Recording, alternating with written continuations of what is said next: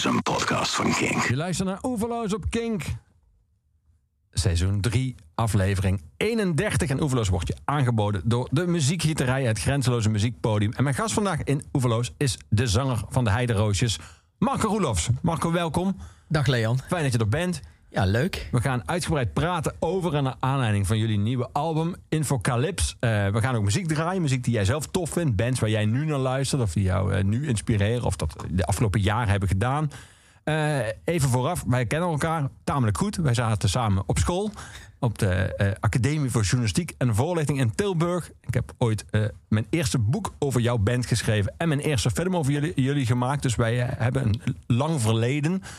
Uh, maar dat zal dit gesprek verder niet in de weg zitten, wat mij betreft. Nee, wat mij betreft ook niet, Leon. Goed zo. Ik zou jou eerst willen vragen hoe jou, jouw afgelopen jaar uh, is uh, gegaan. Hoe je dat bevallen is, hoe je er bent doorgekomen. Maar het fijne is aan jou dat jij over dingen die echt belangrijk voor je zijn... gewoon muziek maakt. Dus laten we gewoon samen luisteren naar hoe jouw 2020 was.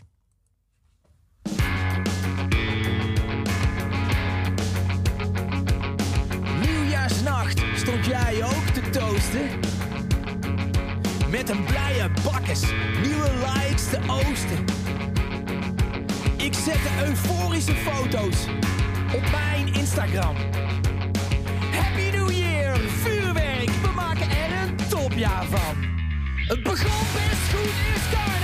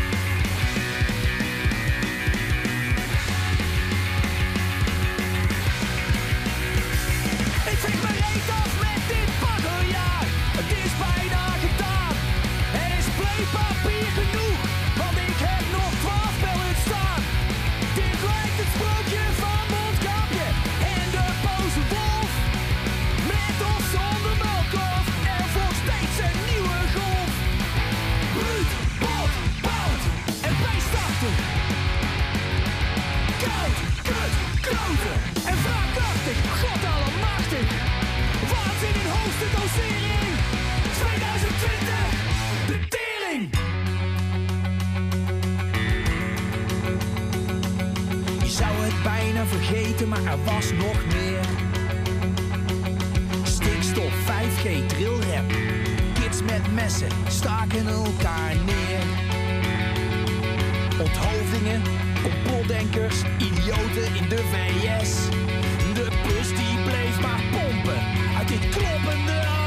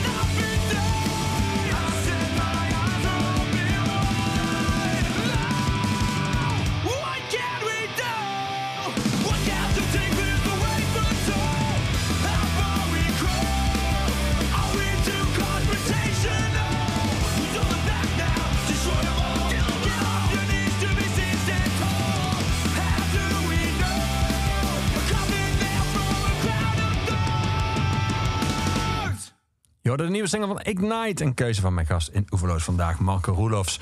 Ignite met de nieuwe zanger. Nog een grote schoenen om te vullen, maar dat klinkt wel heel erg goed. Uh, Zoli was de zanger en Ellie is er nu de zanger. De producer van dit nummer en van de twee nummers die Ignite nu tot nu toe heeft uitgebracht... die ken jij goed. Hebben jullie ook een album mee opgenomen? Ja, wij zijn uh, in Los Angeles geweest. Of ja, hij zit in Santa Monica, als ik me niet vergis. Ja, ik weet het niet meer. Maar reed je iedere dag, uh, it's just, just, it's not far. En dan bleek er een half uur uh, rijden te zijn. Dat vinden Nederlanders dan al wel ver, maar Amerikanen vinden dat helemaal niet ver. Nee, dus we hebben dan met de Heideroosjes een plaat gemaakt in 2006 opgenomen, 2007 uitgekomen, als ik me niet vergis. Chapter 8, The Golden State. Um, en dat was met Cameron, dezelfde producer. Uh, en hoor jij dan ook, uh, elke producer heeft natuurlijk ook zijn eigen signatuur en de manier waarop die naar nummers kijkt en waarop die met geluid werkt. Hoor jij dingen terug en bijvoorbeeld in zo'n nummer van Ignite en denk ah ja, dat, dat, dat, dat is typisch Cameron. Ja, ja die, die gitaarsound, daar, hij heeft altijd wel een soort twist aan de gitaarsound. En alles is keihard. Alles staat keihard in het rood, zeg maar. Uh, maar dan nog net. Weet je, Amerikanen zijn er sowieso wat meer. Um, die durven dat wat meer dan Europese producers over het algemeen. Um, uh, dus ja, dat, dat meen ik wel te horen. Ja. En, en hij heeft. Uh, ja, ik vind hem. Wat ik bij hem heel goed vind is. Het is hard, maar het is toch ook melodieus en sprankelend. Het is heel fris. Hij mis. Hij mixt heel fris. Ja, laat ik het zo hij zeggen. klamuurt er niet dicht. Zeg nee, nee hij, hij snapt precies wat het nodig heeft in mijn uh, ogen. Dus uh, ja. Hoe was dat toen voor jullie? Want jullie hadden toen al zeven albums gemaakt en met verschillende producers. Uh, helemaal in het begin van jullie carrière eigenlijk zou je zonder, producers of zonder productie zelfs. Ja. maar jullie waren in die tijd al, jullie hadden al zeer succesvolle albums gehad, echt ongelooflijk veel getoerd. Dus jullie waren een hele ervaren band, maar wel een hele ervaren band naar Nederlandse norm. En toen kom je, dan kom je bij een producer die al met Social Distortion, met Motorhead albums heeft opgenomen. Ja. Merk je dan meteen dat het toch echt heel anders is? Of Ja, doet hij gewoon hetzelfde als een Nederlandse producer, alleen is, het is een Amerikaan? Uh, nou, nee, absoluut niet. Uh, um, kijk, want we hebben toen heel veel. Wij zaten toen eigenlijk op een punt van: oké, wat, wat willen we nog? We hebben in, uh, in Abbey Road gemasterd. We hebben in Wisseloord opgenomen. We hebben alle grote studio's en we hebben alles in Nederland. We hebben met Oscar Holleman gewerkt. We hebben met, weet je wel, um, we hadden het allemaal gedaan. En um, ik zei van, ik zou nog wel een keer een plaat willen maken. Sowieso in Los Angeles daar. Hè? Um, en dan met een Amerikaanse producer. En we waren aan twijfelen tussen Bill Stevenson van uh, Descendants... die ook uh, Rise Against en zo uh, deed. Um, of, ik zei Cameron Webb... die um, met Motorhead en Social Distortion en Ignite heeft gewerkt. En toen zeiden de jongens van, ja, maar dat kost een rip uit ons lijf. Want het was, we waren net weg bij Epitaph, Amerikaanse platenmaatschappij... waar we uh, tien jaar onder contract hadden gestaan. Dus we waren um, on our own. Het was de tijd dat de cd-verkopen in de hele wereld, zeg maar... naar beneden kelderde door die digitale uh, revolutie, zou ik even zeggen. Ja. Dus het was een heel raar moment om überhaupt, zeg maar... niet gewoon naar een studio in... Um, uh, Van Rai te rijden en, en een plaat te maken. Ja, uh, maar de Westen, jullie moeten, de meeste van de bandleden, of in ieder geval een deel van het heeft kinderen, die spaarpotten, die spaarvakken, die gaan er nu aan. Ja, ik zei, ik zei zo, ik, um, we moeten het ook zoeken in de beleving. Uh, het lijkt mij als band heel goed om die trip samen te maken. Weet je, dus ook herinneringen maken. En het is ook de reis er naartoe. Het klinkt al een beetje cliché, maar dat is wel uh, dat ik had het idee dat wij dat op dat moment in onze carrière nodig hadden. Om niet een plaat op een of ander donker industrieterrein te maken, maar echt de full Monty. Weet je wel, een hotel in Hollywood um, met, met een, zo'n gehuurde van uh, door die straten naar een of andere coole studio, weet je wel.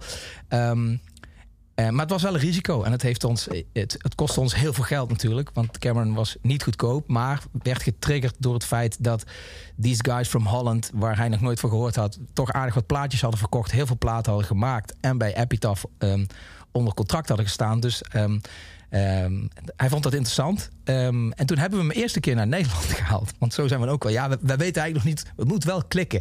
Hij had zoiets van wat. Dus wij zeiden van, kan je een keer naar Nederland komen? Wij betalen jouw ticket. Uh, en, you want to show you Horst. Ja, nou, nou dat absoluut. Oh? Ja, ik heb daar oh, hilarische verhalen over hoor.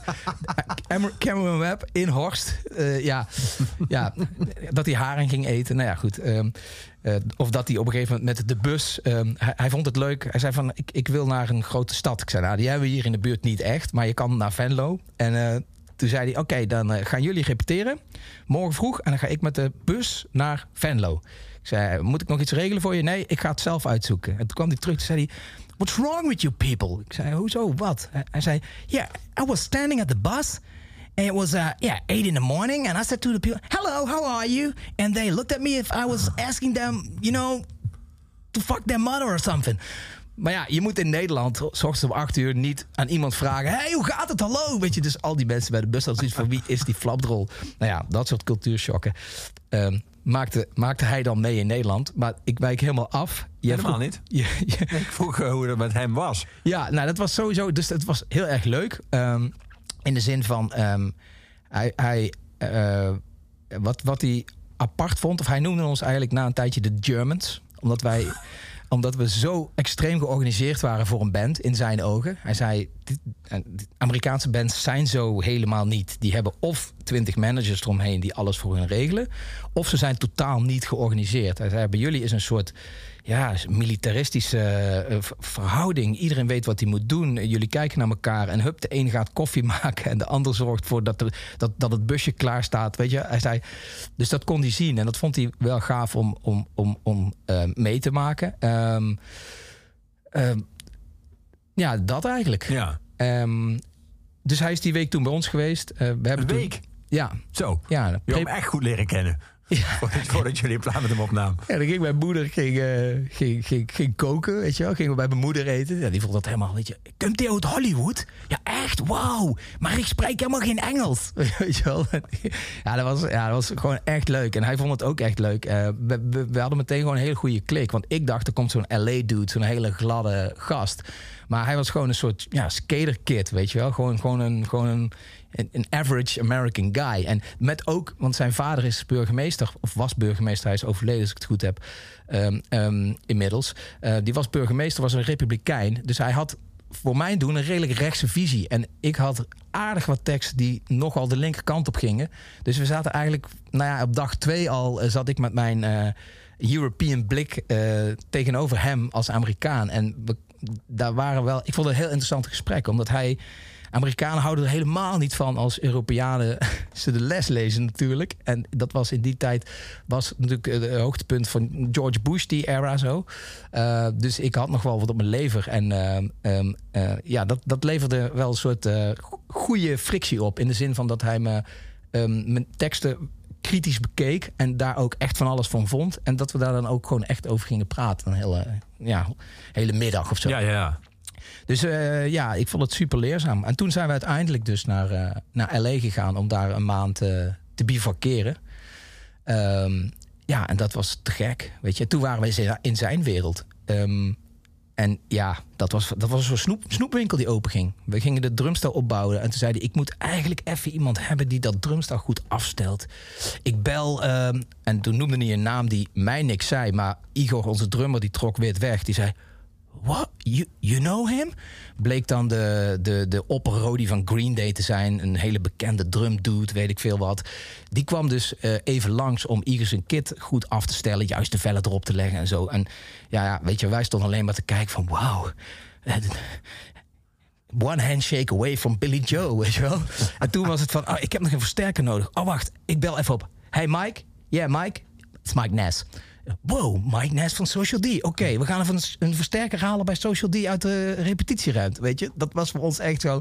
Wauw. En toen was het ook nog van. Uh, op een gegeven moment zei ik van: ik zoek een stem voor een intro van een nummer. Dat heet My Funeral. Waar we aan het werken waren. Ik zeg: ik hoor daar steeds Lemmy bij. Dat is echt stom dat ik dat steeds hoor. Zei Cameron: well, I can try. Ik zei: wat? Hij zei: I can try, you know. I, I mean, I can call Lemmy. Ik zo: ja, weet je wel. Dus nou, lang verhaal kort. Uh, uiteindelijk ging Lemmy die intro inspreken. Um, ik had gehoopt dat hij langskwam, maar hij was op tour in Europa. Um, um, en er staan nog opnames van op YouTube. Dat we, ik heb dat gefilmd, dat Cameron Lemmy belt... en dan Lemmy in kennelijke staat al... want het is avond in Londen en uh, wordt gevraagd om uh, even voor de European guys... dat ding in te spreken, weet je. Ja, ik snap ook al, dat doet hij niet voor mij, dat doet hij voor Cameron. Maar hey, ja, who cares, weet je wel. Wel op jouw plaat. Op mijn plaat, ja. Uh, dus ja, nou ja, weet je, dat soort dingen. Dat, dat, dat was gewoon een, een, een, een trip. Gewoon, uh, ja, was echt, echt gek. Ja. En dus ik zei toen we klaar waren ook tegen die jongens, zei, oké, okay, hier zit bijna al ons geld in. En misschien koopt niemand die plaat, maar ey, dit nemen ze ons nooit meer af. En ehm, uiteindelijk hebben we op die plaat ook, eh, denk ik, weinig winst gemaakt. Ik denk helemaal niet. Maar het is onbetaalbaar. Het is voor mij eh, qua plaat eh, de meest, eh, eh, waar ik de beste herinneringen aan heb. De Chapter 8, The Golden State. Ja, en Zoli, de vorige zanger van Ignite, zingt daar zelfs op mee. Ehm, Oh ja, die kwam ook nog even langs. Ja, weet je wel. Ja. Dus dat was voor ons ook. Weet je, ja, ik ben ook fan van Ignite. Dus eh, ja, dat, dat is dan. Kijk, als je een producer, ehm, als je daarmee werkt, dan krijg je, als het goed klikt, ook zijn adresboekje erbij, bleek. Dus in die zin, eh, ehm, ja, heeft dat, eh, heeft dat heel veel goed gedaan. Ja. Die, we draaiden dat nummer van Ignite, die nieuwe single. Is dat, is dat tricky voor een band om na zoveel jaar, volgens mij bijna ongeveer 20 jaar, eh, van zanger te wisselen? Zeker als je een hele markante zanger hebt met een heel bijzonder stemgeluid. Eh, ja, tuurlijk. Tuurlijk, vooral omdat iedereen hem nu gaat vergelijken met The Old Guy. Eh, dus, maar ja, kijk, sowieso is het denk ik als je als band lang meedraait, zijn al je stappen op een gegeven moment, ehm, eh, hoe zeg je dat? Veel, veel, ja, beladen is een groot woord, maar betekenen meer dan in het begin van je carrière. Omdat mensen hebben al dat profiel van jou geschetst in hun hoofd. En dus ook een soort onzichtbare grens getekend waar jij als artiest wel of niet overheen mag gaan. Hè, ben je de Beastie Boys of zo, dan, dan moest je over de grens altijd, want ieder album moet anders zijn. Ehm, eh, ben je, de, ben je ehm, Social Distortion, dan moet je binnen die grenzen blijven, anders dan haken de mensen af. Dat, ja. Ja. Dus in die zin. eh, Er zijn natuurlijk wel bands die, bedoel, ACDC, eh, al- of zijn er nog steeds mensen die alleen maar over de eerste song van ACDC beginnen. Maar voor bij Iron Maiden is dat heel goed gelukt. Eh, Ja. Bruce Dickinson is, ik hoor echt nooit maar iemand die Paul Diano terug wil, de oude zanger. Eh, ehm, maar het lijkt er op hoe langer het duurt en hoe charismatischer en vocaler bijzonder de zanger was, hoe moeilijker het is. Queen is misschien wel het beste voorbeeld dat het eigenlijk niet kan. Ja, nee, ja, ja, absoluut. Maar dat is, ja, dat is ook omdat Freddy natuurlijk zo'n zo'n enorm grote zanger eh, was. Ja goed, ja, goed. Mijn mening is dat ze daarna ook gewoon hadden moeten stoppen eigenlijk. Maar ja, aan de andere kant zeggen mensen dat ook over de heideroosjes. En ik vind, zolang jij iets te zeggen hebt... ehm, dat is voor mij het verschil tussen kunst en entertainment. Entertainment wordt gemaakt omdat er waarschijnlijk vraag naar is. En kunst maak je eh, als artiest omdat jij dat uit je systeem moet hebben Ja. was letterlijk was eigenlijk ook de discussie die wij met de Heideroosjes hadden toen ik de jongens belde van ehm, ik heb nieuwe nummers en ik wil eigenlijk met jullie gaan repeteren.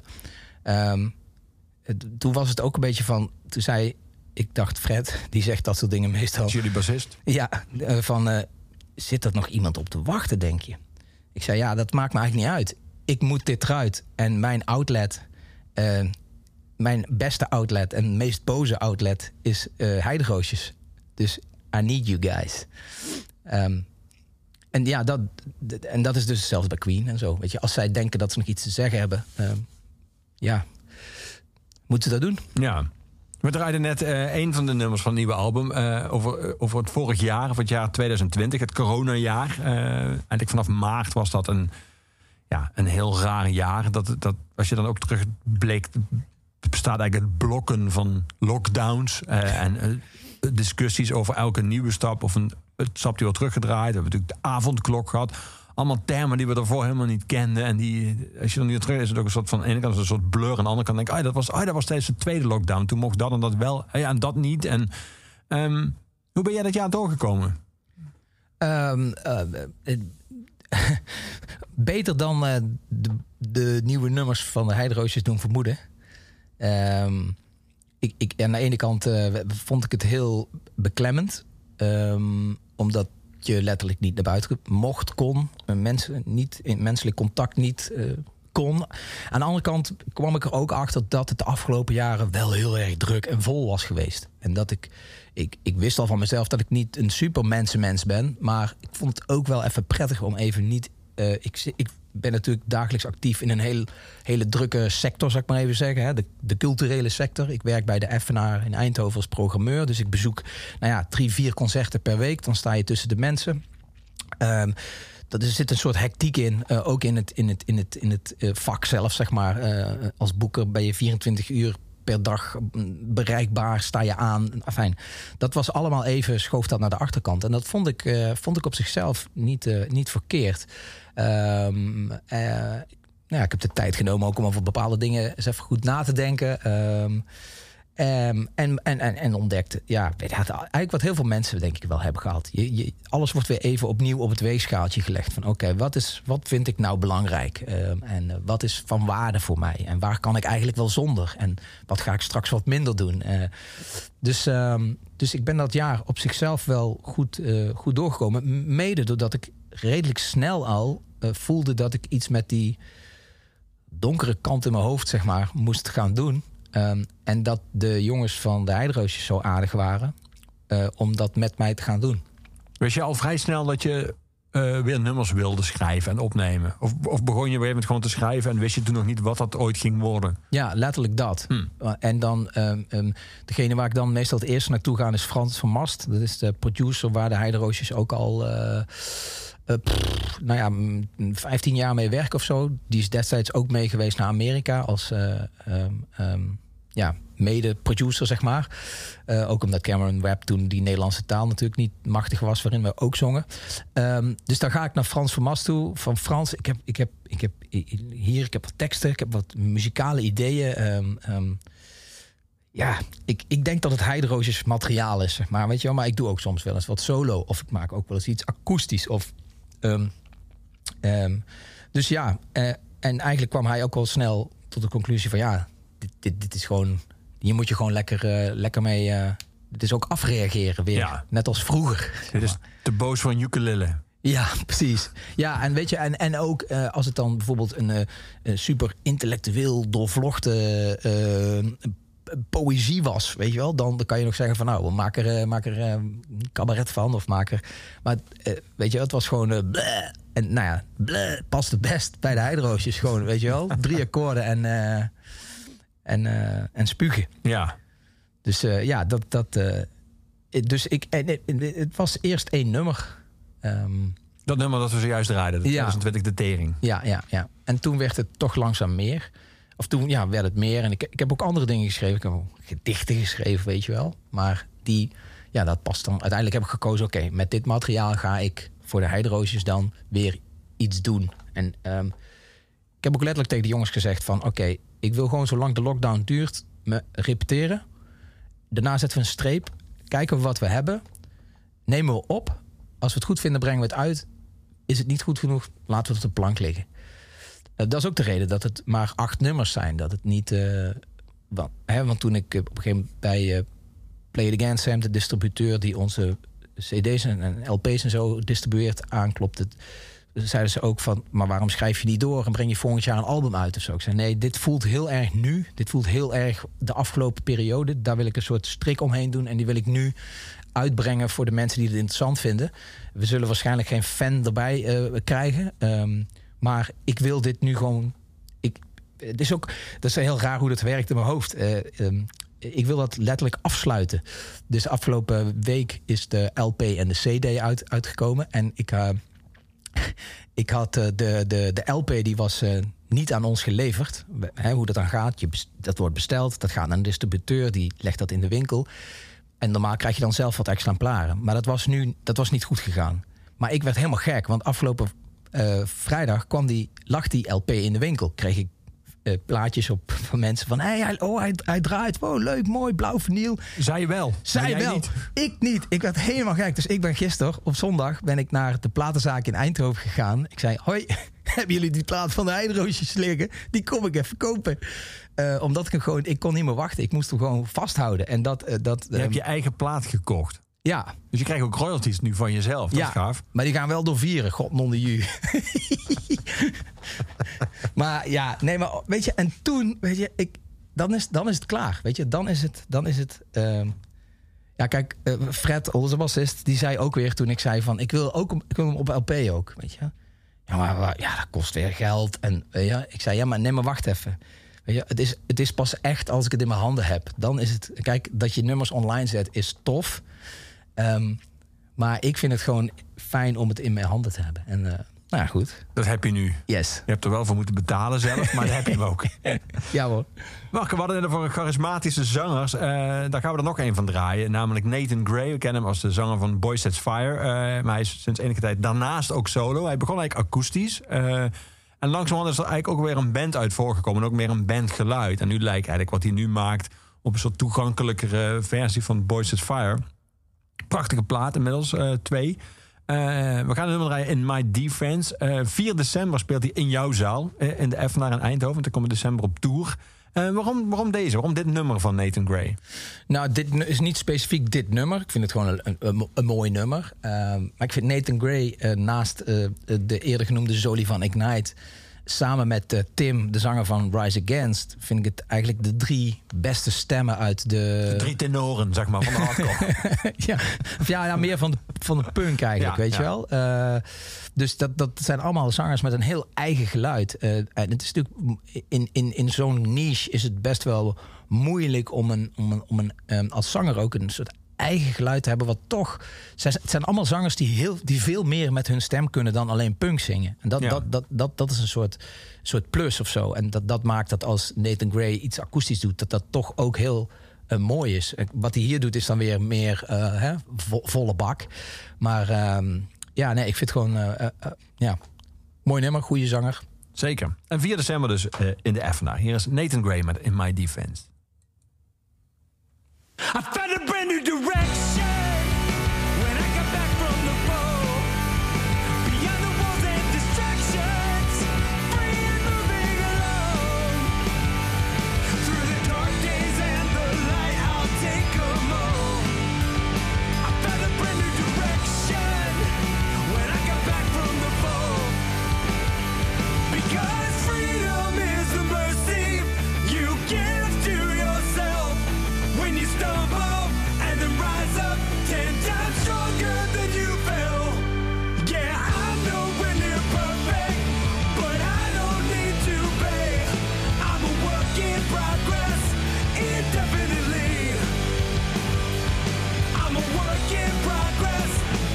Definitely.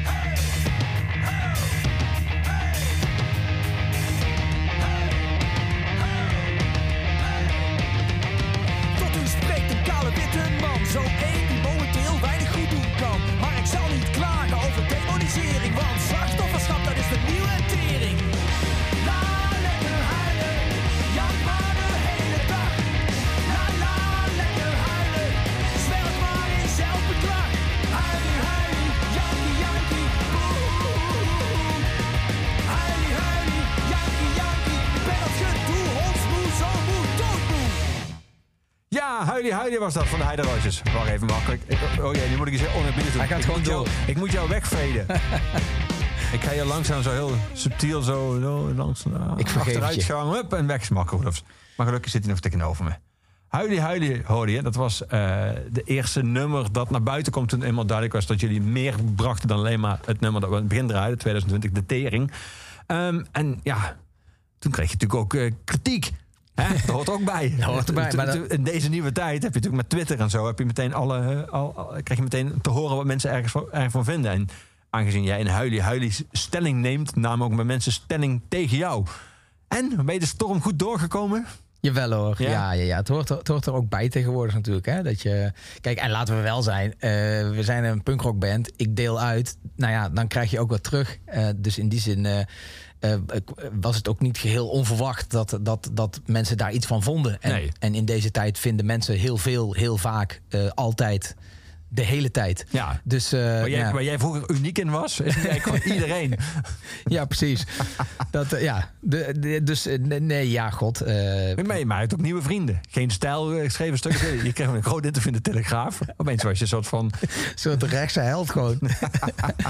nee, Maar wat ja. was de aanleiding? Wat was, wat was de aanleiding voor de tekst van Huilie Huilie? Want dat was ook in hetzelfde jaar dat jij begon te schrijven. Kwam dus Ja. deze ook bovendrijven. Nou, ik zat dus ook heel veel op, op social media, waaronder Twitter, wat eigenlijk niet mijn medium is. Ik, ik, eh, ik, ik, ik heb het heel vaak geprobeerd. Mensen zeggen ook wel eens tegen mij van ja, ik vind jou echt iemand die op Twitter zit, weet je wel? Want Dat is ja, niet echt een compliment trouwens, als mensen tegen je zeggen. Nou ja, oké, ik, dat- ja, ik, Want voel, ik voel dat want allemaal jij niet bent altijd boos, je scheldt en je gebruikt maximaal 140 tekens. Dat is eigenlijk wat ze dan zeggen. Nou ja, in principe is dat wat ik natuurlijk als met de heideroosjes wel deed. Dat was Twitter in de jaren negentig, zeg maar. Die liedjes van ons. I'm not deaf, I'm just ignoring you. Nou ja, maar eh, ik heb het vaak geprobeerd, dat Twitter. Ja. Maar eh, ik, eh, ik, nee, ik, ik, ik werd er gewoon verdrietig en moe van als ik erop zat. Eh, ik zet ook bijna nooit zelf iets op Twitter. Ehm, ehm, maar eh, ja, in die lockdown hè, had, ik, had je weinig anders. Dus dan zat ik er wel best veel op. En toen viel me weer op hoe tegenwoordig die, ja, de slachtoffercultuur, zeg maar, een soort van, ja, ook een soort onderneming is geworden voor heel veel mensen. En dat als je je pink hebt gestoten en je richt een clubje op, krijg je subsidie. En dan kan je ja, daarmee bewerkstelligen dat andere mensen niet meer over je pink praten. Want het is kwetsend voor jou. En weet je wel. En ik kom natuurlijk uit een dorp. ehm, en het fijne van een dorp, eh, ehm, heb ik nu ontdekt, is dat je daar opgroeit met mensen van allerlei pluimage. En ik had toevallig van de week nog een gesprek hierover met een, eh, met een vriend van mij. Die zei ook van, die vriendengroep van ons, die was in de stad nooit bij elkaar uitgekomen. Maar omdat wij in een dorp woonden ehm, en er gewoon niet zoveel kinderen van onze leeftijd waren, ehm, moesten wij ons tot elkaar verhouden. En hebben wij geleerd met elkaar omgaan. Ook al zijn onze persoonlijkheden en interesses totaal anders. Ehm, eh, en dat, die eigenschap of skill of zo, of dat incasseringsvermogen wat daarbij hoort, dat, dat, dat lijkt zeker digitaal steeds meer weggepoetst te worden. Ja. En eh, dat, dat maakt weer ruim baan voor eh huilie huilie, ik ben een slachtoffer, eh, ontzie mij, ehm, praat niet zo tegen mij. Ja, ik pff, word daar soms een beetje moe van. Dus, Ja. en, en, en ehm, ja, Dus het tegenargument natuurlijk... Ja, maar jij bent, jij bent een witte man... en je bent heteroseksueel en je bent niet op je mondje gevallen. Je kan jezelf redden. Dus voor jou in een wat ruwere omgeving van zo'n dorp... waar iedereen ook een beetje zo uitdeelt... Ja, je, jij redt je wel. Jij, jij, jij komt er wel doorheen. Misschien heb je een keer een klap gekregen... en geef je een klap terug. En dat, ja. Maar als jij... ehm, weet ik veel, homoseksueel zou zijn geweest... of, eh, of non-binair... Of, eh, of van een culturele minderheid in, in Horst... had je misschien een heel ander leven gehad. En had je misschien ook een andere verhouding gehad met een omgeving... waarin iedereen de hele tijd maar overal grapjes over maakt. Of, of een soort van ruw met elkaar omgaat. Die tough love, zoals de Amerikanen dat noemen. Ja. Eh, ja, absoluut. En ik, ik, weet je, het is ook niet dat ik zeg van. ehm, eh, want jij hebt het nu over non-binair of homoseksueel. En het is absoluut niet dat ik. ehm, eh, dat ik zeg, dat is allemaal gehuil. Weet je wel? Zeker niet. Wow, we, we- got a long way to go. Weet je, er is nog, ik zie echt wel wat er allemaal nog mis is en waar dat het allemaal nog wel even be- beter kan. Ehm, dus ik, ik, wil het ook niet daarop spitsen. Maar het zijn de uitwassen, zeg maar. De uitwassen die je dus op Twitter ook vaak ziet. En waar ehm, mensen elkaar ook versterken. Weet je, waarin je clubjes eh, vormt. Bijvoorbeeld, ik heb, oh, ik heb ook nog Facebook. En ik heb heel veel mensen op Facebook waar ik eh, eigenlijk helemaal niks meer mee heb. Dat zijn dan ook vaak diezelfde mensen uit het dorp. Die zijn dan bijvoorbeeld knetterrechts. Die zijn ongenuanceerd. Die posten allerlei rare shit van complottheorieën en zo. En toch gooi ik die mensen niet uit mijn tijdlijn. Omdat ik het belangrijk vind om dat soort meningen tot me te nemen. En ehm, eh, eh, ja, dat eigenlijk. Ja. Dus ik, ik, ik zie daar, ik zie de toegevoegde waarde van mensen die het oneens zijn met me of die totaal ander wereldbeeld hebben. Ja. Maar soms is het fucking vermoeiend. En dan komt er een liedje. Wat grappig dat je zegt, ik, ik heb nog Facebook. Je zegt er bijna alsof het Hives is. Zo van, ik, ben nog, ik ben nog die ene gast die dat account ni- niet heeft gewist. Maar Nou ja, ik denk als ik niet zeg maar eh, nog in een band zat en dat ik ook daarop vanuit die hoedanigheid veel bezig ben met eh, social media, dat ik, dat ik het echt wel, ehm, nou ja, zoiets als Facebook, pff, wat daar gebeurt ook niet zo heel veel interessants meer in mijn mening. Ehm, dus dus eh, ik heb het, daarom zeg ik, ik heb het nog. Maar dat is eigenlijk meer omdat ik het moet hebben voor, hè, omdat Ja. ik in die public eye dingen doe. ja. Je zei net al, jij bent teksten gaan schrijven in die coronatijd. En dan even ging je naar eh, jullie, eh, ja, zeg maar, oudgediende producent, eh, producer... met wie jullie vaak hebben gewerkt, Frans. en heb je hem laten horen van waar is het meest geschikt voor? Hij zei eigenlijk vrij snel, nou, voor de Heideroosjes. Toen moest jij de andere leden van de Heideroosjes bellen en zeggen... ik wil eigenlijk weer een plaat met jullie maken. Eh, dan komt dus een band die niet meer bestond, eh, weer bij elkaar. Eh, ik wil even een scène voorlezen uit een boek dat een aantal jaar geleden verscheen. Het boek Kaal van auteur Makke Roelofs. Ehm, Frank, dat is jullie gitarist, schonk koffie in. We gaan aan de, gingen aan de grote vergadertafel in ons repetitielokaal zitten. Fred, dat is jullie bassist, nam het woord. Ik wil iets zeggen. Er is het afgelopen jaar geen enkel scenario bedacht waar iedereen achter kan staan. Ik word er knettergek van. Wat dit collectief van me vraagt is een raadsel voor me. En als ik niet weet wat er van me gevraagd wordt, dan kan ik ook niet zeggen of ik dat kan leveren. Dus ik moet hiermee stoppen. Ik stap eruit.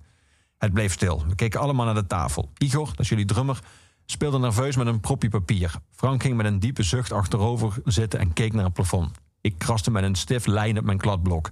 Erik, dat jullie tourmanager, zat naast me en probeerde onzichtbaar te zijn. Het bleef lang stil. Dit was dus het moment. Fred had de bom gedropt en ik kon hem niet eens ongelijk geven. We hadden die bom onbewust samen gebouwd. Dan lees ik sla ik een klein stukje over en dan schrijf je... Ik zou, ik wilde, maar ik zei niks. Mijn dierbaarste en enige bezit werd vermoord en ik stond erbij te kijken. Op een vreemde manier leek het de enige optie. Ik had alles geprobeerd, ik had alles gegeven. Ik was zelf ook uitgeput. En ik had er genoeg van dat alles als los, zand door mijn handen verdween. Het moest veranderen. Alles moest veranderen. Als ik dit zo lees, als ik dat teruglees, dan komen jullie van ver als je weer samen het repetitiehok ingaat. Dit, dit, Ja. dit, dit was het einde van de band.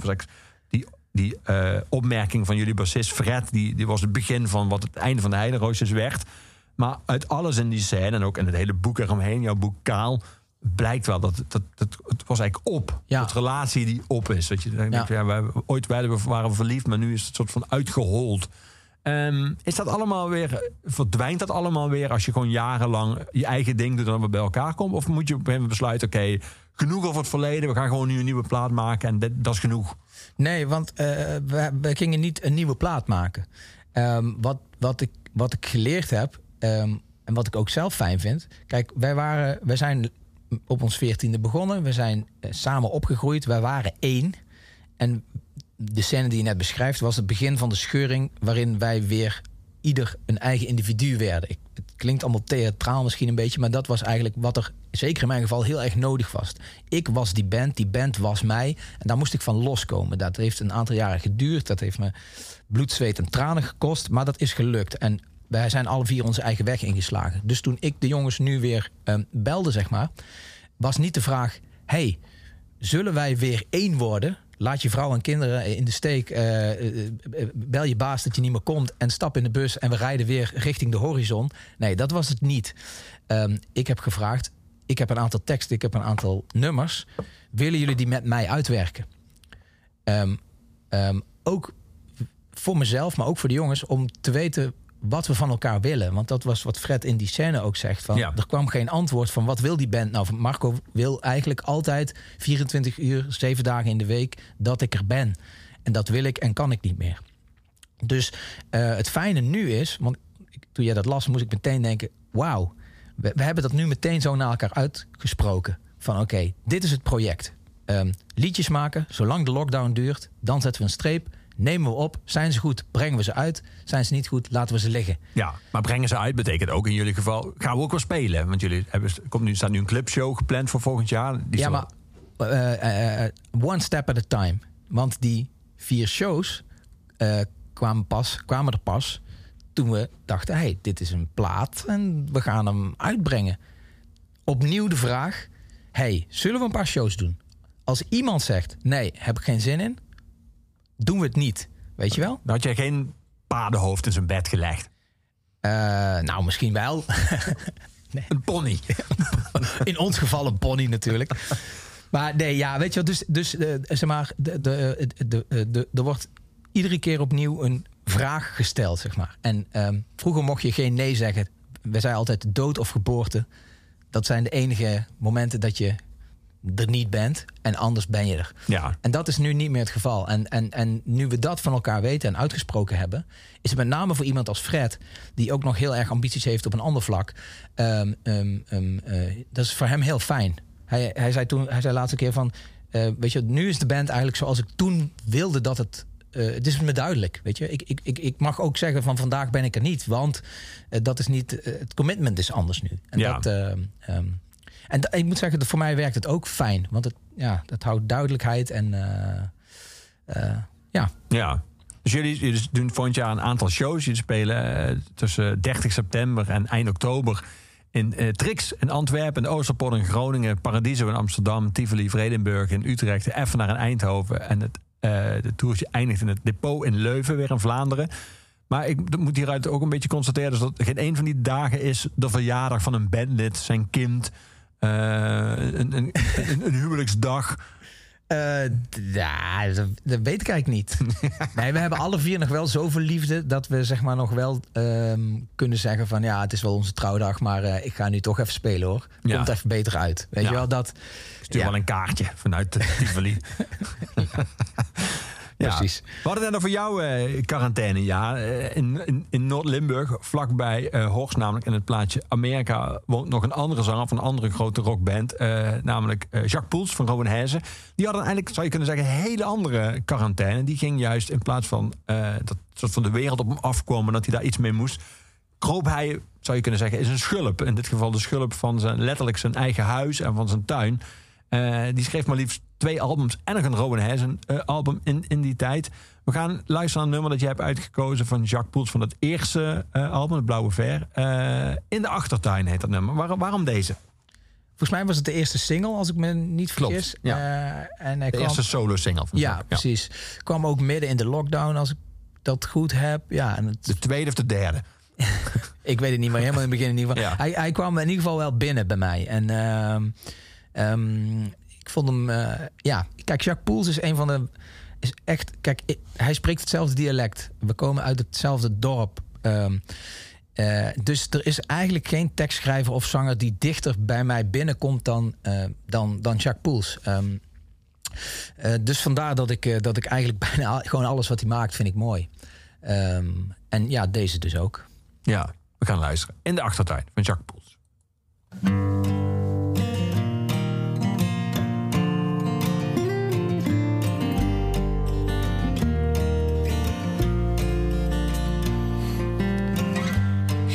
Geen modales, nog. De ganse wereld nog onzien. Wil door naar onbekende plekken. Dan moet geen doen, gaat er maar in.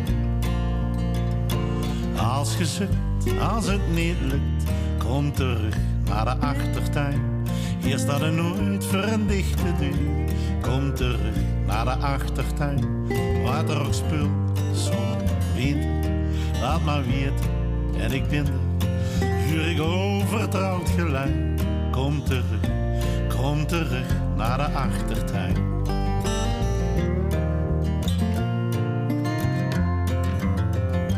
Geen modales, nog beleven. Weet zeker dat je dat redt. Maar als dingen ooit weer anders weer,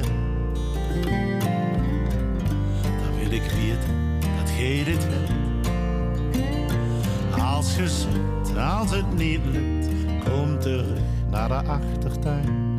Hier staat er nooit voor een dichte deur. Kom terug naar de achtertuin. Water spult, zomer, winter.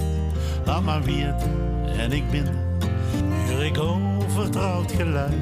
Kom terug, kom terug.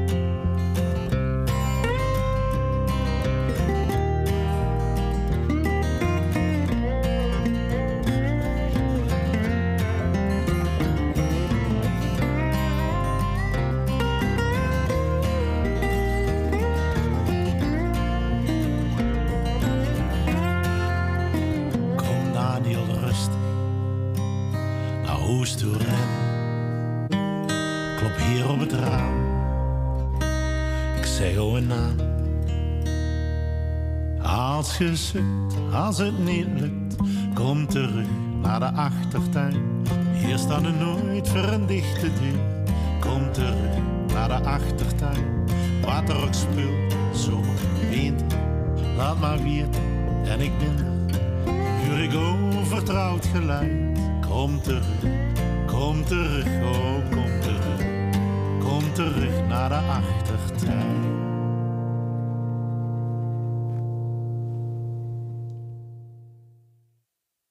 We zijn van hier. Onze loyaliteit hoeft niet gekocht te worden. Snap je wat ik bedoel? We waren er al. We zijn hierin geboren, bro. En dat is een soort mentaliteit.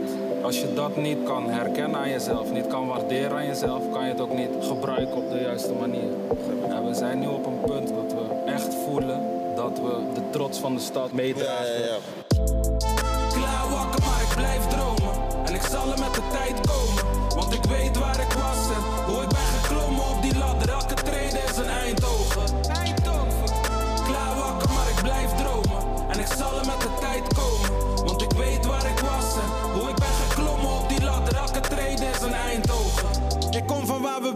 maar we het niet van de daken schreeuwen. Liever niet ego trippen, want we willen waardig winnen. Waar beginnen? Ik kom uit loyale kringen. Klein van buiten, kolossaal van binnen. Ik ben hier om dingen mee te maken. Daar wat mee te maken, samen met mijn medemakers. Zaters hebben we niks mee te maken. Meteen ter zake, zaken hoeven we niet eens te praten. Gooi elk idee op tafel en schakel meteen naar daden. Hier worden breed verzameld, omdat we hier streven naar de beste resultaten. Internationaal en regionale. Als je hier vol bent van jezelf, trek je lege zalen. Daden tellen, kom niet met cliché verhalen. Welkom in de keuken waar we door uit te proberen meters. En kritisch blijven als recepten voor geen meter smaken. Regelmatig regels laten varen, nieuwe regels maken. Altijd klaar voor tegenslagen op die regendagen. Klaar wakker, maar ik blijf dromen. En ik zal er met de tijd komen. Want ik weet waar ik was en hoe ik ben geklommen op die ladder. Elke trede is een Eindhoven. Eindhoven. Klaar wakker, maar ik blijf dromen. En ik zal er met de tijd komen. Want ik weet waar ik was en hoe ik ben geklommen op die ladder. Elke trede is een Eindhoven. We zijn tegenspoed. Marathonmentaliteit, ja en voor een tegenspoed. We kunnen het, we weten hoe. Eendracht, reken op elkaar. Focus, trainen, wees paraat. Elke speler heeft een taak en een streven, broer. En als we diep van binnen weten dat het beter moet, ga toch door totdat je niet meer kan. Ik ben een beetje moe. Ik krijg een mega boost als ik zie dat er iemand uit mijn kring iets positiefs met zijn leven doet. Tuurlijk gaan de eerste stappen die je neemt als stroef. Maar speel je kaarten goed, weet welke kaart je neemt als stroef. Stop er je hart in, zet je doelen boven de verwachting. Zodat je ver boven de lat springt. Geen gevoelens die ik in een zin niet kan uiten. Ging het om inhoud, was ik raps Willy van der Kuilen. 308 doelen, zoveel nog te doen, we gaan hard broeder. Hoe kan je geen liefde voor mijn stad voelen?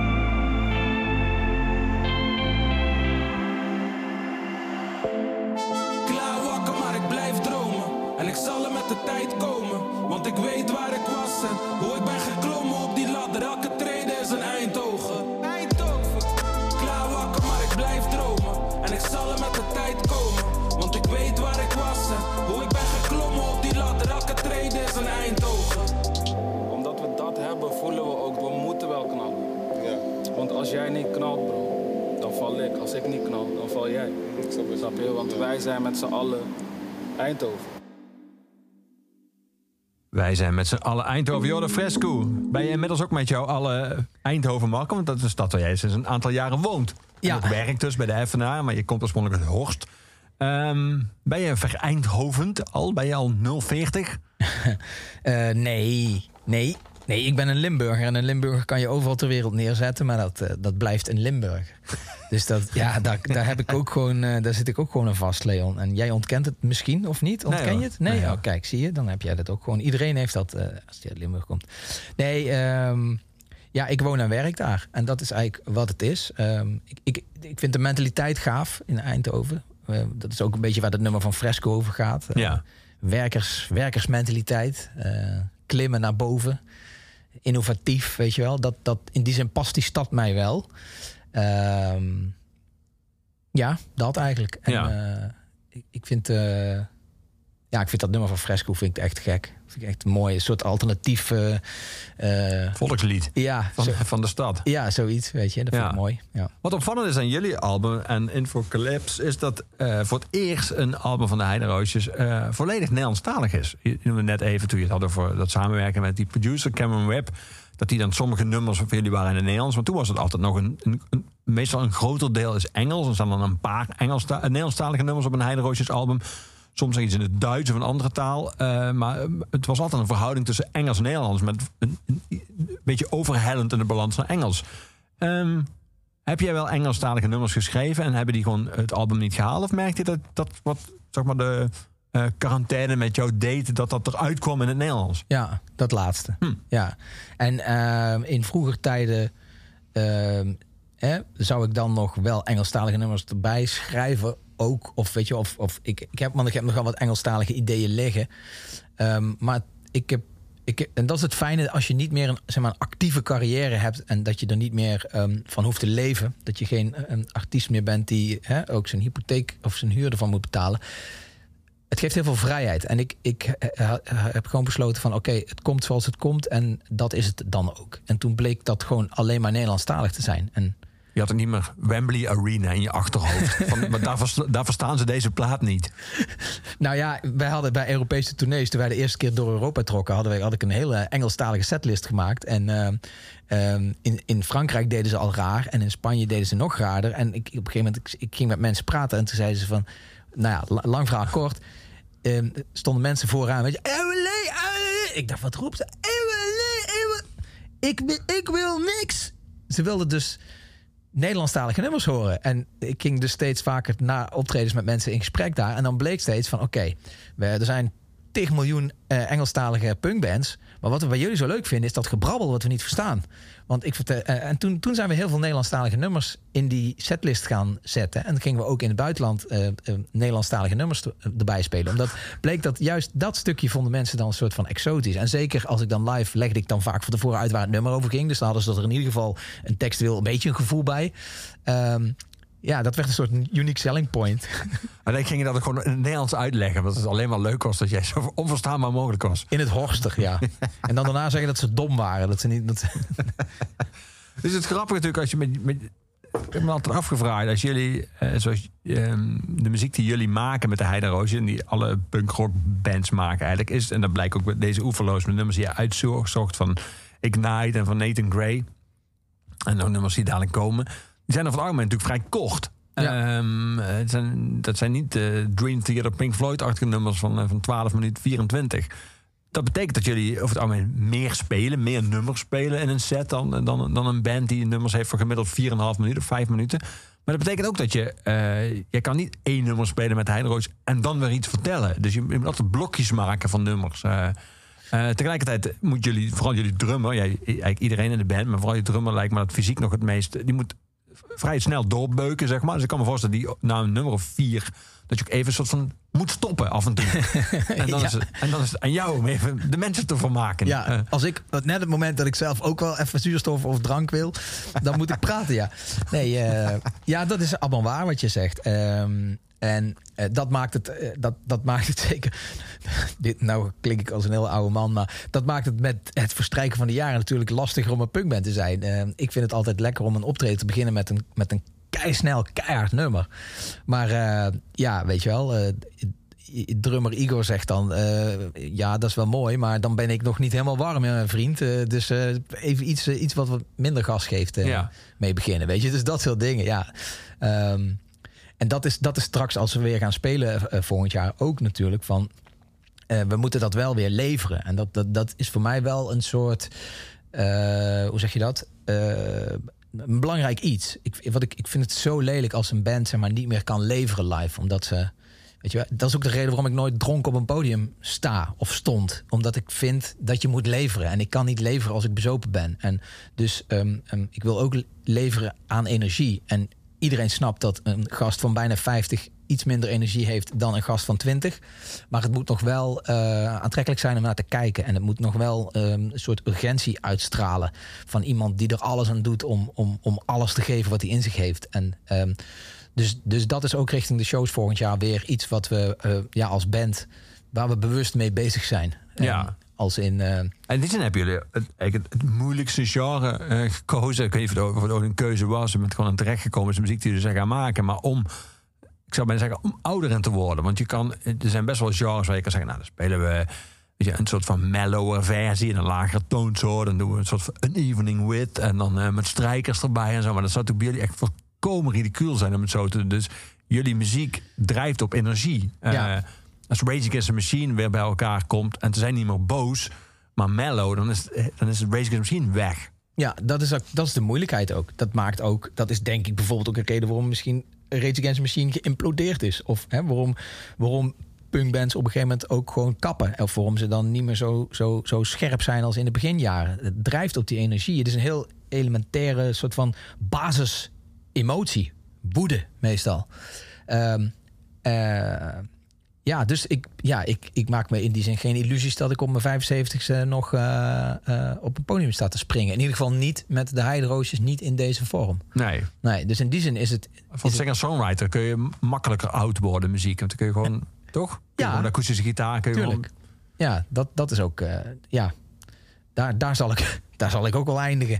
Nee, maar dat is wel iets waar je, waar je langer mee door kunt gaan. En ehm, dat was op een gegeven moment toen, toen eh, rond 2012 de heideroosjes gingen stoppen. Ook dat ik zocht naar andere dingen. Omdat ik wel nog die urgentie in mezelf voelde om dingen te, te, te maken en, en te vertellen aan de wereld. Maar het jasje waarin ik dat jaren had gedaan, dat, dat paste niet meer. En, eh, en nu trek ik dat jasje weer even aan. Maar besef ik ook dat, dat, dat het jasje al veel gedragen is. En ehm, weet je wel, af en toe eh, weer uit moet om, om de man rust te gunnen. Ja, ja. We gaan één nummer draaien, Marco, van, eh, van jullie nieuwe album, van Infocalypse. Eh we gaan eh, luisteren naar Ons Cadeau voor de Jeugd. Kun je dit nummer inleiden? Inleiden, ja, ik kan het inleiden. Dit is een tekst van ehm, eh, iemand die ik zeer bewonder. En die eigenlijk ehm, ehm, heel veel teksten heeft gemaakt waarvan ik soms een beetje jaloers ben. Dat ik denk, oh, ik wou dat ik hem had gemaakt. Jeroen van Merwijk, helaas inmiddels overleden, vorig jaar. Eh, vorig jaar, ja. ja.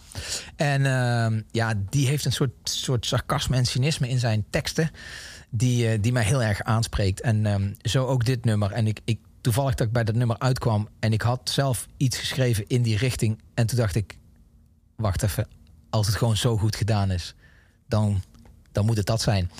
Ehm, Dan moet je even uitleggen, hoe werkt dat? Je, je schrijft iets en je denkt dan zelf van... Hey, dit lijkt volgens mij op iets. Zonder dat je zelf weet dat het daarop lijkt. En dan ga je terug zeggen... Oh, verdomd, dat is gewoon geïnspireerd door... eh, in dit geval een tekst van Jeroen van Merwijk. Werkt dat zo? Dat jij zelf niet door hebt in eerste instantie dat je... Dat, dat, dat is heel vaak, ja. Ja? en dan, dan heb je daarna de keuze van, oké, weet je wel, dan kan je zeggen, oké, alles is al gedaan, maar niet door mij.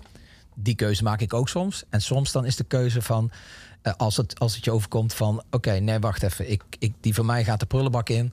En in, net zoals in dit geval, deze tekst is zo goed, past zo goed bij de tijd, bij, bij ook, hè.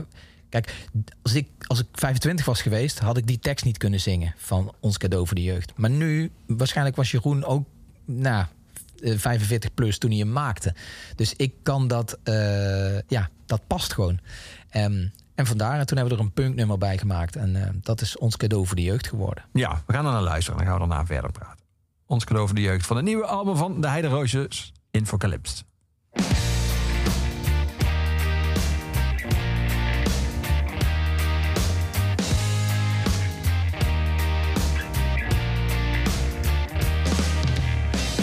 Zwarte zeeën, vol olie en teer een volledig vergiftigde atmosfeer.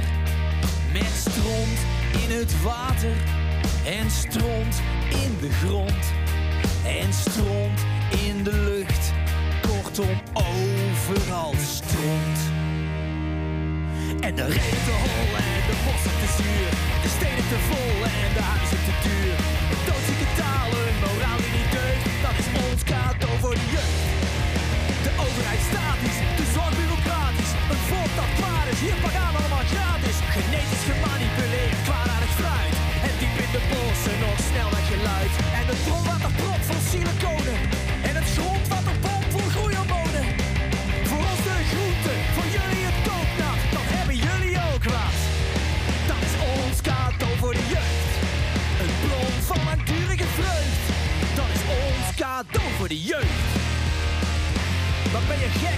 is veel meer. Ha, wat dacht je dan? Een psychopaat op elke hoek van de straat. Een kanaal.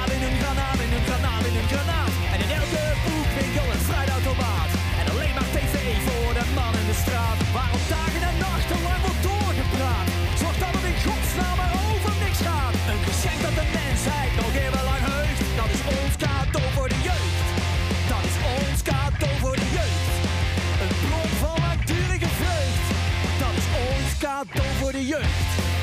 Want de jeugd heeft de toekomst. En wat voor een toekomst!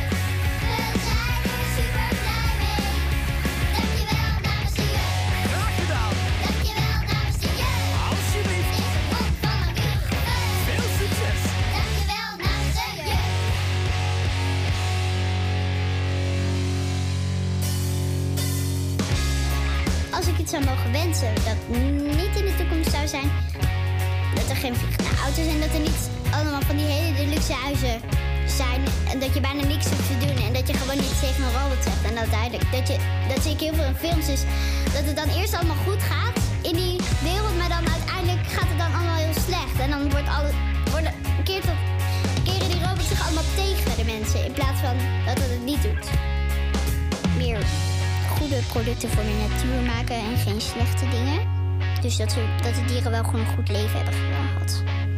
En ook gewoon voor niet dat, eh, dat een natuur, eh, dus een park helemaal plat wordt gewalst. En om een paar keer geruisje te maken.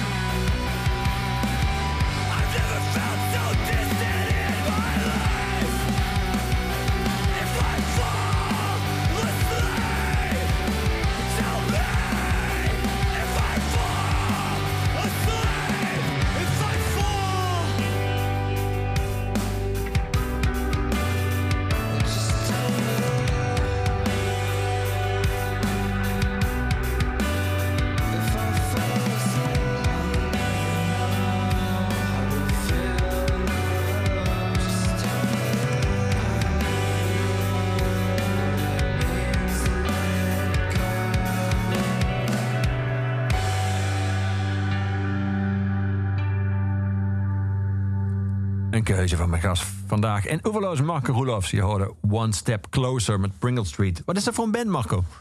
Ja, het is een uh, hardcore punkband uit uh, Baltimore, als ik me niet vergis. Uh, ik heb ze leren kennen omdat ze het voorprogramma deden van Have Heart. de reunie-shows die twee jaar geleden, als ik me niet vergis, waren op YouTube. Ik dacht, wow, dit is echt gek. Ja. En ja, deze nieuwe plaat is... is ja, ik, ik hou van die, die, die pure woede Weet je, dat vind ik. Ja, maar, maar, maar dat is ook, ook muzikaal heel rijk precies, en super goed geproduceerd. Ja, nou, dat wou ik zeggen. Weet je, dan, dan, dan.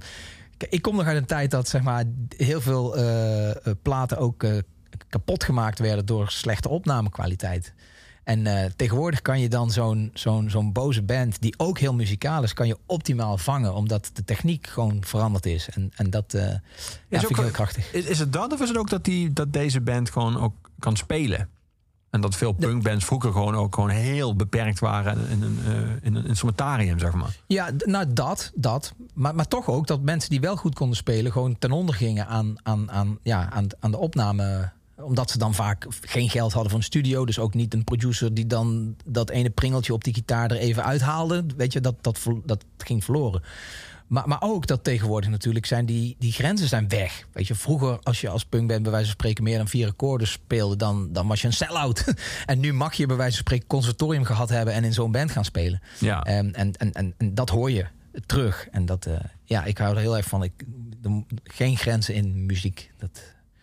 Je zei Baltimore, volgens mij komt dat Turnstile ook vandaan. Ook zo'n hele opwindende jonge ja. hardcore band. Het lijkt een nieuwe generatie van dat genre aan te komen. Of of er al te zijn inmiddels. Van jongere bands die gewoon weer een soort van enorme geestdrift hebben. Met een net iets ander geluid, maar wel duidelijk hoorbaar waar ze uit putten. Ja, super fijn. Ik vind dat echt heel erg fijn. Omdat, uh, ja, de oude generatie wordt wat ouder. We hadden het net al over. En uh, het is wel fijn als, als er gewoon jonge aanwas is in zo'n scene ook.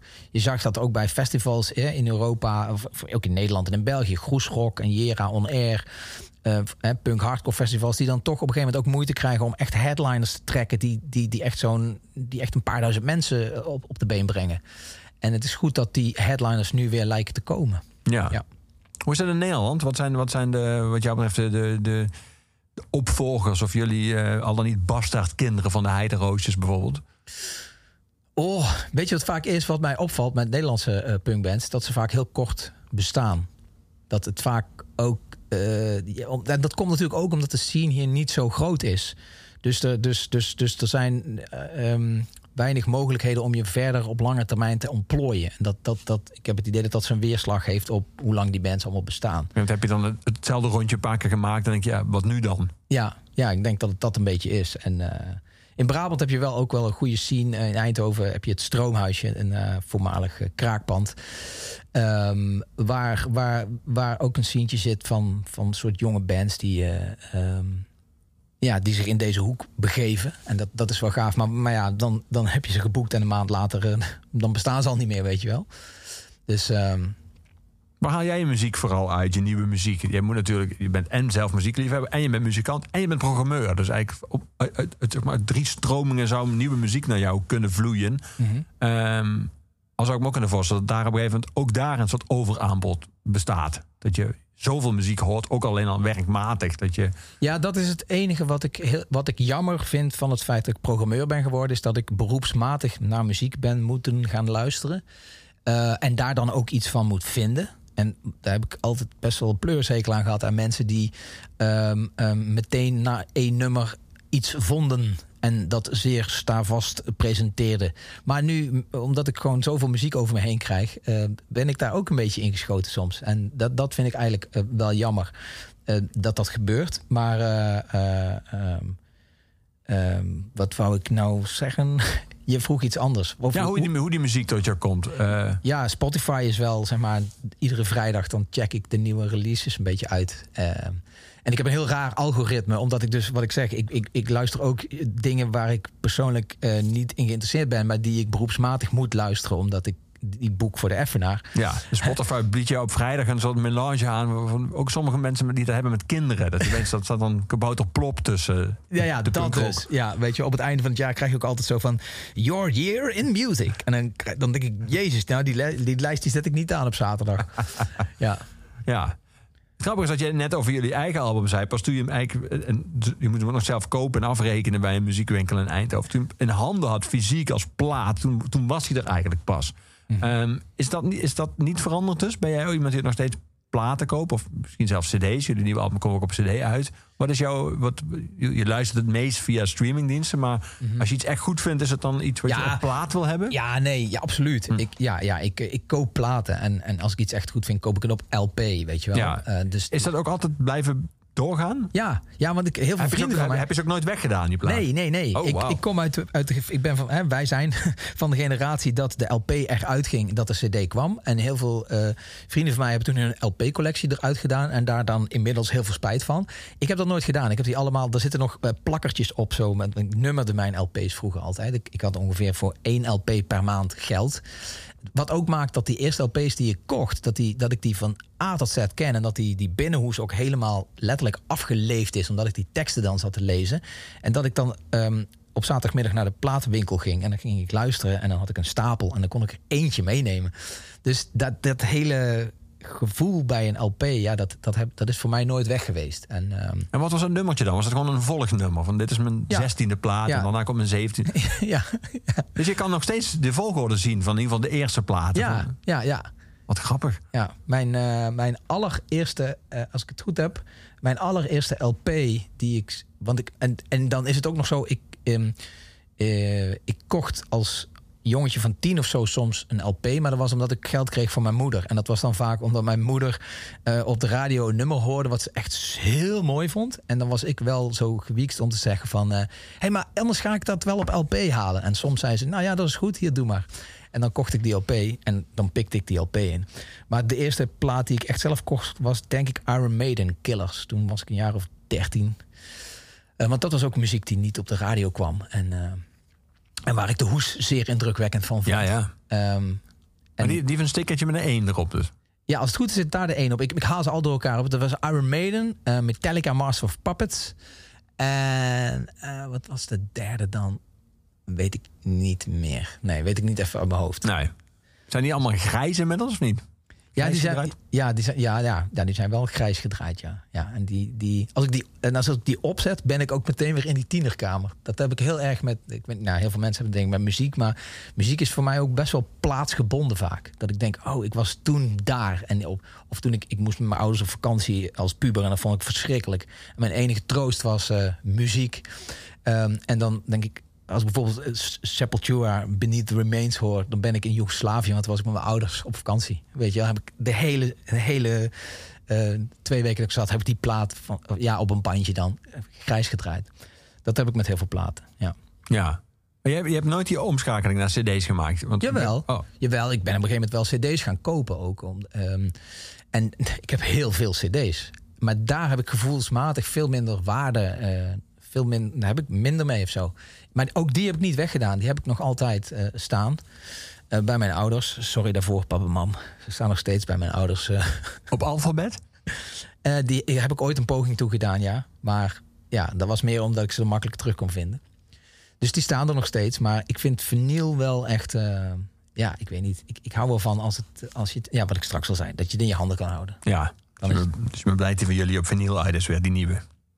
Ja, en op cd, wat heel vreemd is... Want ik dacht echt, niemand koopt nog cd's. Maar wij kregen dus heel veel eh, op Facebook... en mensen die ons mailden van... Hey, komt die ook op cd? En ik dacht, ik zei op een gegeven moment tegen die jongens... misschien moeten we toch overwegen om een, eh, om een, eh, om een, om een, een oplage te maken. Ja. En hebben we gedaan. En die ging woep. Die was meteen weg ook. Dus, Ja. dus er is ja, zeker in de, de, de achterban die wij hebben nog vraag naar. Ja, tof. Er zijn zelfs bands die weer op cassette uitbrengen. Dat je Ja. zo ziet dat je verschillende Nou ja, formats... Ik heb, ik heb zo'n oude auto. Dat in mijn auto zit nog een cassette eh, recorder. Eh, of een cassettespeler. Maar ja, ik weet niet daar om nou weer op cassette iets uit te brengen. Dat is wel echt super weird gewoon. maar er zijn inderdaad veel bands die dat weer doen, hè? Een Ja. soort van cool. Ja, We gaan muziek draaien, Mark. We gaan naar Bobby Ramone luisteren. dat is lachen. Waarom is dat lachen? Ja, dat, ik, ik hou heel erg van Bob Marley. En ik hou heel erg van de Ramones. En toen zei iemand tegen mij... "Hey, je moet eens even op Spotify zoeken naar Bobby Ramone. Dat is een of andere rare... Dat heeft iemand door elkaar gemixt. Bob Marley en de Ramones.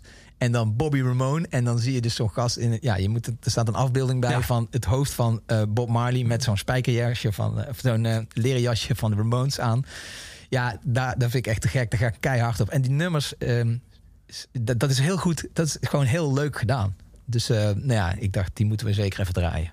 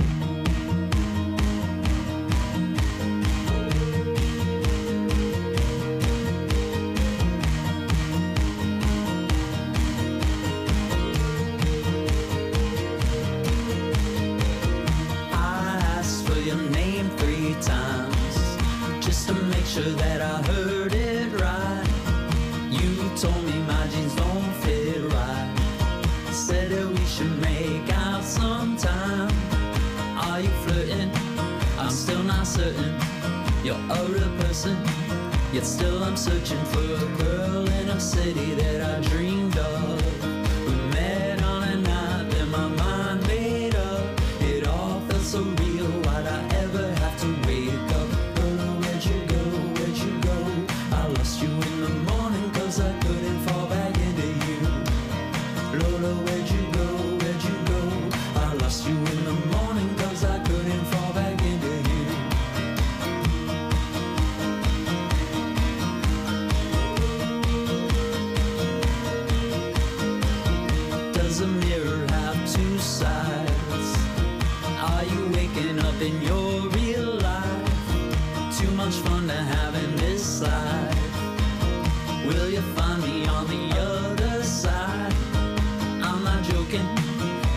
projection. I feel connected. I won't stop searching for a girl in a city that I dreamed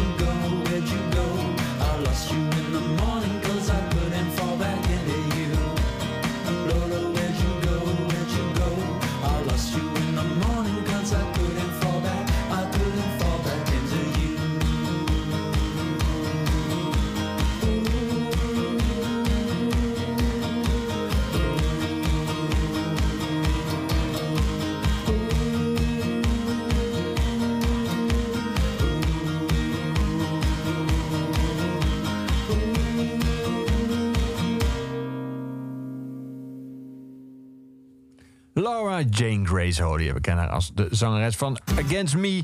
En dit is van een van de twee soloalbums. Een een soort van de Jacques Poels van de punkrock... die ook maar liefst twee soloalbums uitbracht in de quarantainetijd. Het grappige is, Marco, ik had er niet over nagedacht... maar nu ik dit nummer hoor eh, en we straks Jacques Poels draaien... het er is ook best wel veel muziek die, eh, die geschreven is in die quarantainetijd. En ook daarna dan uitgebracht of tijdens het nog... of nog een soort van uitvloeisel van... is dan veel rustiger en akoestisch. En heel veel mensen zijn een soort mellow geworden in die tijd. Je bent een van de weinige mensen die ik ken... die eigenlijk ra- razend de quarantaine uit is gekomen. Met gebalde vuisten uit de Ja. lockdown kwam. Ja, bij mij slaat het dan naar binnen en dan moet, ja, moet dat dan met, met kracht uit. En Ja. dat, eh, ja. Eh, ja, ja, god. ehm, ehm, wat zal ik daarop zeggen, Leon? Nou, hoeft niks. Maar Oh. het is gewoon een losse observatie die me opeens zo binnenschoot. Toen ik dat nummer draaide. Ik, oh, Logic Gates, wat Against Me, ja, band is natuurlijk ook een felle... Je hebt nog met, eh, met je solo-project heb je I Was a Teenage Anarchist van, eh, van die band gecoverd. Ja. En ze staan bekend als een, nou, een beetje als de Heideroos, een heilig vuur en een fel erop. En haar solo-projecten tijdens zijn allemaal vrij rustige akoestische platen. Ja, ja iedereen gaat daar toch maar op een andere manier mee om. Wat jij straks ook al zei, weet je, zo'n Jacques Poels past ook bij zijn, bij zijn profiel. Dat hij dan hè, dat hij de luikjes dicht maakt en vanuit binnen gaat nadenken wat hij ervan vindt. En daar dan een soort van eh, romantisch eh, eh, schilderijtje van, van boetseert. En, ehm, ehm, ik, ik zit anders in elkaar. Bij mij hoopt zich dat op en dan loop ik over. En dan is het het fijnste om, dat, om dat gewoon eruit te schreeuwen. Weet je, dat, dat, dat, dat, dat lucht letterlijk op. Ja. In mijn geval. Ik vind dat. ik, ik heb dat nodig, ook om te voelen dat ik leef op de een of andere manier. Ja. Ik zei het al, jullie spelen eh, eind volgend jaar doen jullie een aantal shows in Antwerpen, Groningen, Amsterdam, Utrecht, Eindhoven en Leuven. Eh, die voorverkoop is inmiddels begonnen. Dat, dat ging eh, volgens mij behoorlijk rap bij het overgrote deel van die zalen. Ik zag allemaal reacties van, van Heideroosjes fans die dan een kaartje hadden en dan heel blij waren en dan zeiden, nou, nog een jaar dus. Dat lijkt me voor jou ook wel bijzonder, want je hebt, die plaat moest eruit, maar Ja. voor die plaat eruit kan op het podium moet je, ook jij nog een jaar wachten. Ja, ja, ik had hem heel graag. Ik had heel graag nu gewoon er gas op gegeven. Maar eh, ja, samenloop van omstandigheden ook, agenda's. eh, sowieso nu nog die hele eh, coronapandemie, dat eilt natuurlijk nog na. agenda's van zalen zitten vol, maar ook van hoe lang duren die ja. maatregelen nog. Ik ga niet voor een zittend publiek dit doen. Dat slaat helemaal nergens op, weet je wel. Dus toen hadden we zoiets van, oké, dan moeten we... Dan, dan, nou, toen kwamen we uit in ja, oktober, september, oktober 2022. En, Ja. ehm, maar het is wel raar. Het is wel raar. Ook, eh, ja, het, het, is nog een he- het duurt nog zo lang. Ja. Dus dat, eh, dat, dat vind ik wel ehm, ja, vervelend. Maar voor, waar verheugde jij het meeste op tijdens al die lockdowns en quarantaines? Van wat dan dadelijk weer kon? Waar had jij het meeste behoefte aan of zin in? Nou, sowieso spontaan ergens in een koffietentje, weet je, wat gaan drinken met iemand. Dat, dat, dat klinkt heel suf, maar dat, dat vind ik heel erg leuk. En, en ook, ook, ja, concerten, weet je. Concerten is natuurlijk toch ook een soort bestanddeel van mijn leven. Soort, zit zo diep in mijn DNA. Ehm, niet per se hele grote stadionconcerten of zo, maar gewoon, gewoon iemand. Nou, Kunst, laten we het kunst noemen. Kunst op een podium. Want dat kan ook een theatervoorstelling of een cabaretvoorstelling zijn. Ja, eigenlijk alles waarvan Hugo de Jonge zegt, zet, kunnen Zet op maar een DVD'tje op. Ja, dat. Is maar dat wat, wat voor, volgens het kabinet totaal niet belangrijk is... maar waar iedereen, denk ik, de lockdown mee doorgekomen is. Want ook, ook een dvd'tje is ook natuurlijk... eh, hè? Netflix is ook ehm, kunst of ja, hè? Dat, het, het hoort ook tot cultuur. We hebben dat nodig eh, als mens. Maar het wordt zo vanuit overheidswegen in ieder geval weinig gewaardeerd. Helaas. Maar ja, dat eh, wisten we al. Zo. En daarmee zijn we aan het eind gekomen van deze Oeverloos. Dat is wel een heel eh, treurige stelling weer eh, op het einde natuurlijk. Maar het is wel waar. Gelukkig is het laatste woord altijd aan onze postuumhuisdichter Luc de Vos. Dus we gaan eigenlijk nog naar Gorky luisteren met het nummer dat ik het beste bij jou vond passen. Namelijk Punk is dood. dat wordt een- Luc mag dat zeggen. Luc mag dat zeggen. Dankjewel Marco dat je er was. Graag gedaan, Leon. Oeverloos, eh, aangeboden door de muziekgieterij. Infocalyps, eh, die is nu eh, te beluisteren op alle streamingplatforms. Maar je kunt hem dus ook, nou op cd is het bijna uitverkocht. Maar op plaat kun je hem nog bestellen. En anders kan, verkoopt Marco misschien wel het enige exemplaar dat hij zelf gekocht heeft aan je. Met een prijsstickertje nog erop. En de Heideroosjes staan dus volgend jaar, ik, ik noem nog één keer de data... Op 30 september in Antwerpen, 1 oktober in Groningen, 6 oktober in Paradiso, 8 oktober in Utrecht, 22 oktober in Eindhoven en daarna op 28 oktober in het depot in Leuven. Marco, dankjewel. Ter afsluiting van deze Oeverloos. Hier is Gorky met Punk is dood.